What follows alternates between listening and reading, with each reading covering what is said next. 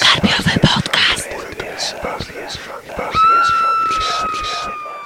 Witam Was, kochani, bardzo serdecznie w kolejnym odcinku Karpiowego Podcastu.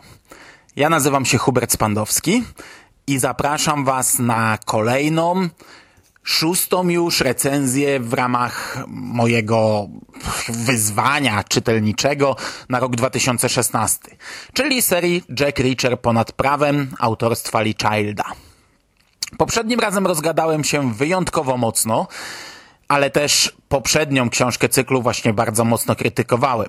Dzisiaj postaram się nieco bardziej streścić, ale też dzisiaj będzie zwrot o 180 stopni, bo tak jak piąty tom, Echo w płomieniach, uważam jak do tej pory za najsłabszy, tak szósty pod tytułem W tajnej służbie jest chyba jak do tej pory najlepszą książką w tej serii.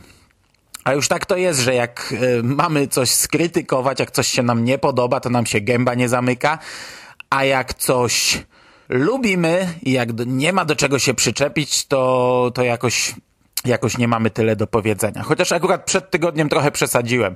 Postaram się już tak nie odpływać i, i aż tylu przykładów nie rzucać, co konkretnie nie grało mi w danej książce. Okej, okay, szósty tom. W tajnej służbie. Jest to powieść, która znów została napisana w trzeciej osobie, ale znów ogranicza się, no nie wiem, w 95% do tego, co robi Richer.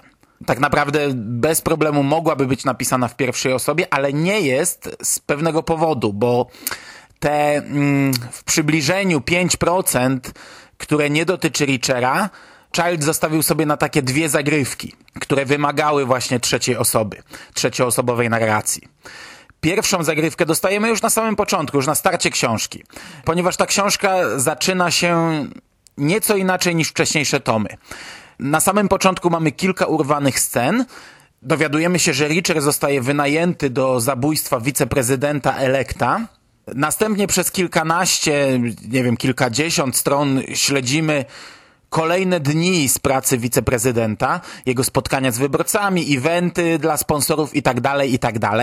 I to jest pierwsza zagrywka właśnie, o której wspomniałem, która wymagała trzecioosobowej narracji, bo przez dość długi wstęp czytelnik ma oczekiwać ewentualnej próby zamachu.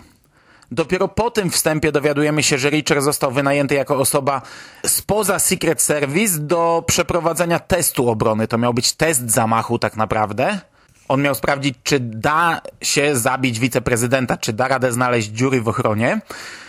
No i od tej pory mamy już taki standardowy start książki z tego cyklu. Dłuższa rozmowa, wyłożenie zasad, rozstawienie pionków. Szybko okazuje się, że Richera nie wynajęto bezpodstawnie, że istnieje realne zagrożenie. Y, Secret Service od kilkunastu dni odbiera listy z pogróżkami.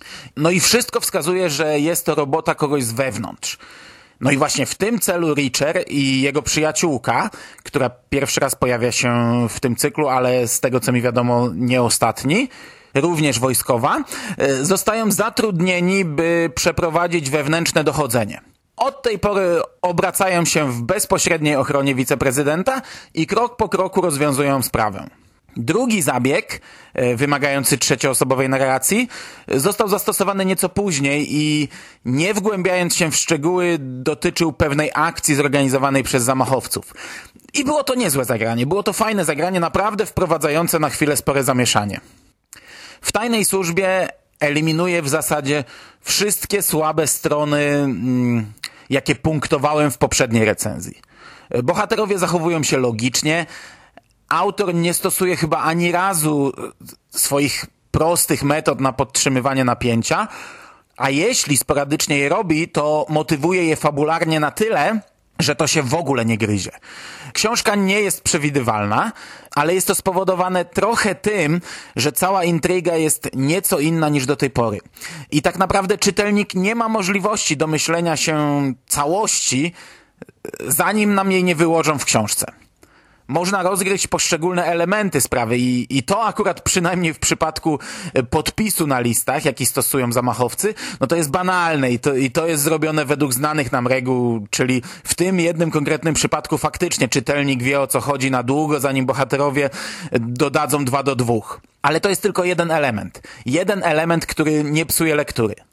E, w tym przypadku jednak niemożliwym jest wcześniejsze wytypowanie sprawców i ich motywacji. No, to zostało tak napisane, że tego się nie da zrobić i, i między innymi dlatego ta książka jest powiedzmy fajna do końca, ale, ale też mm, już po lekturze da się dostrzec jej wady.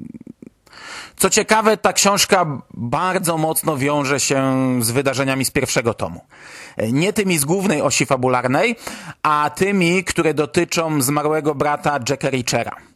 E, wątek brata Joe powracał gdzieś tam delikatnie co jakiś czas. Tak naprawdę on się ciągle przewija, ale w tym tomie e, no jest on w zasadzie pierwszoplanowy.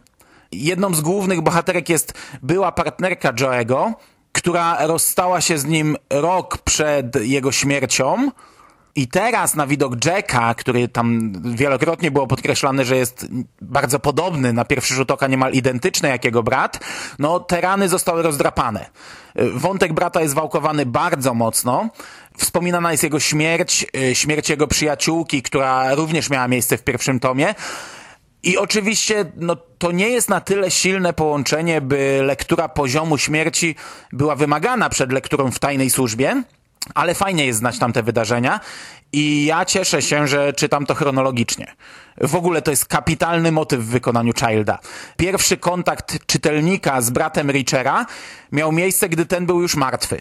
A od tej pory co róż wracamy do tej postaci i poznajemy ją przez wspomnienia innych osób, choć jeszcze ani razu nie było sceny, w której w jakiejś retrospekcji wystąpiłby sam Joe. Czytelnik e, na kartach książki nie, nie widział go jeszcze żywego. Co mi się podoba w tej książce, to fakt, że mm, jest to ten rodzaj książek, gdzie e, Richard nie został umieszczony na siłę.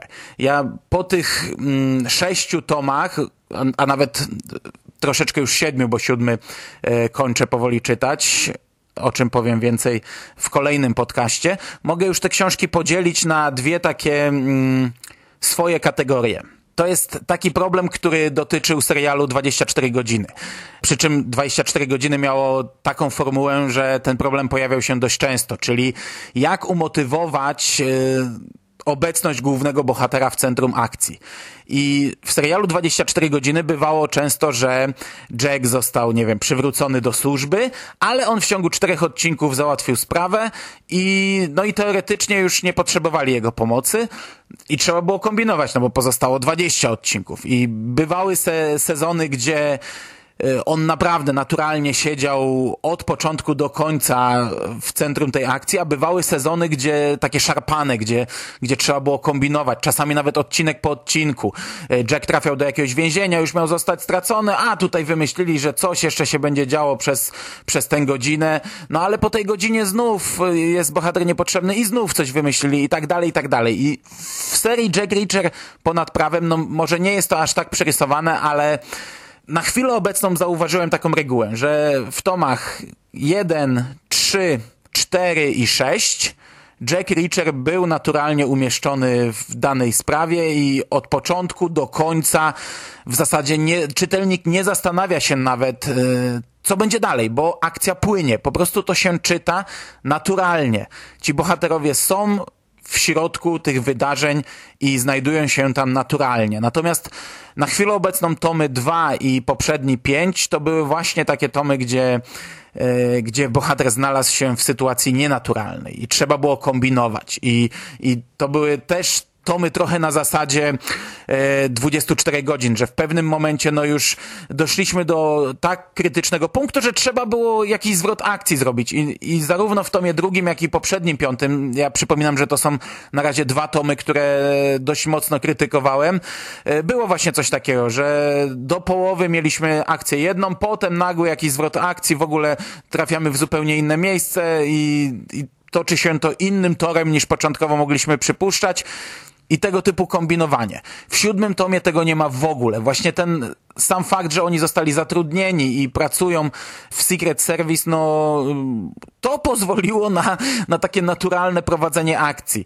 Oczywiście w pewnym momencie no, dochodzi do tego y, rozstania, zostają zwolnieni, no, ich praca nie jest już potrzebna, a oni nadal siedzą w tej akcji, ale to jest tutaj tak fajnie, naturalnie pociągnięte, e, że naprawdę cały finał czyta się po prostu przyjemnie. I tak naprawdę, no to zbliżamy się do końca. No trochę głupio mi mówić o tej książce, bo tak jak poprzednio skupiałem się na punktowaniu wad i no poprzednio osiągnąłem w tym już taką wprawę, że gadałem prawie pół godziny, tak tutaj zwyczajnie nie ma się do czego przyczepić. No, można narzekać na sam wątek kryminalny i na to, że czytelnik nie ma szans rozwiązać e, tak przedstawionej sprawy, ale dla mnie to nie jest jakiś wielki minus. Poprzednie tomy pokazały, że kiedy Child pisze taki typowy kryminał, w którym mamy na celu wytypować mordercę, e, no to jest przy tym przewidywalny do bólu. Szósty tom pokazuje, że ten pisarz lepiej sprawdza się w historiach zbudowanych na trochę innej zasadzie w których nie szykuje nam żadnego wielkiego twistu e, w sprawie tożsamości mordercy. Szósty tom jest napisany ciekawie, dobrze zaplanowany, logicznie umotywowany. Bohaterowie są tam, gdzie są z konkretnych powodów i realizują konkretne cele. Pod kątem akcji też jest bardzo dobrze, e, są emocje. Książka przynajmniej kilka razy zaskakuje obrotem wydarzeń. No, nie mam się kompletnie do czego przyczepić i mogę powiedzieć, że pierwszy raz odkryłem całą historię do samego końca, nie wiedząc na 100% jak to się ostatecznie potoczy. I tym samym wyszła mi chyba najkrótsza recenzja jak do tej pory. Ja się z wami żegnam, trzymajcie się ciepło, do usłyszenia, cześć. A książkę jeszcze raz bardzo polecam.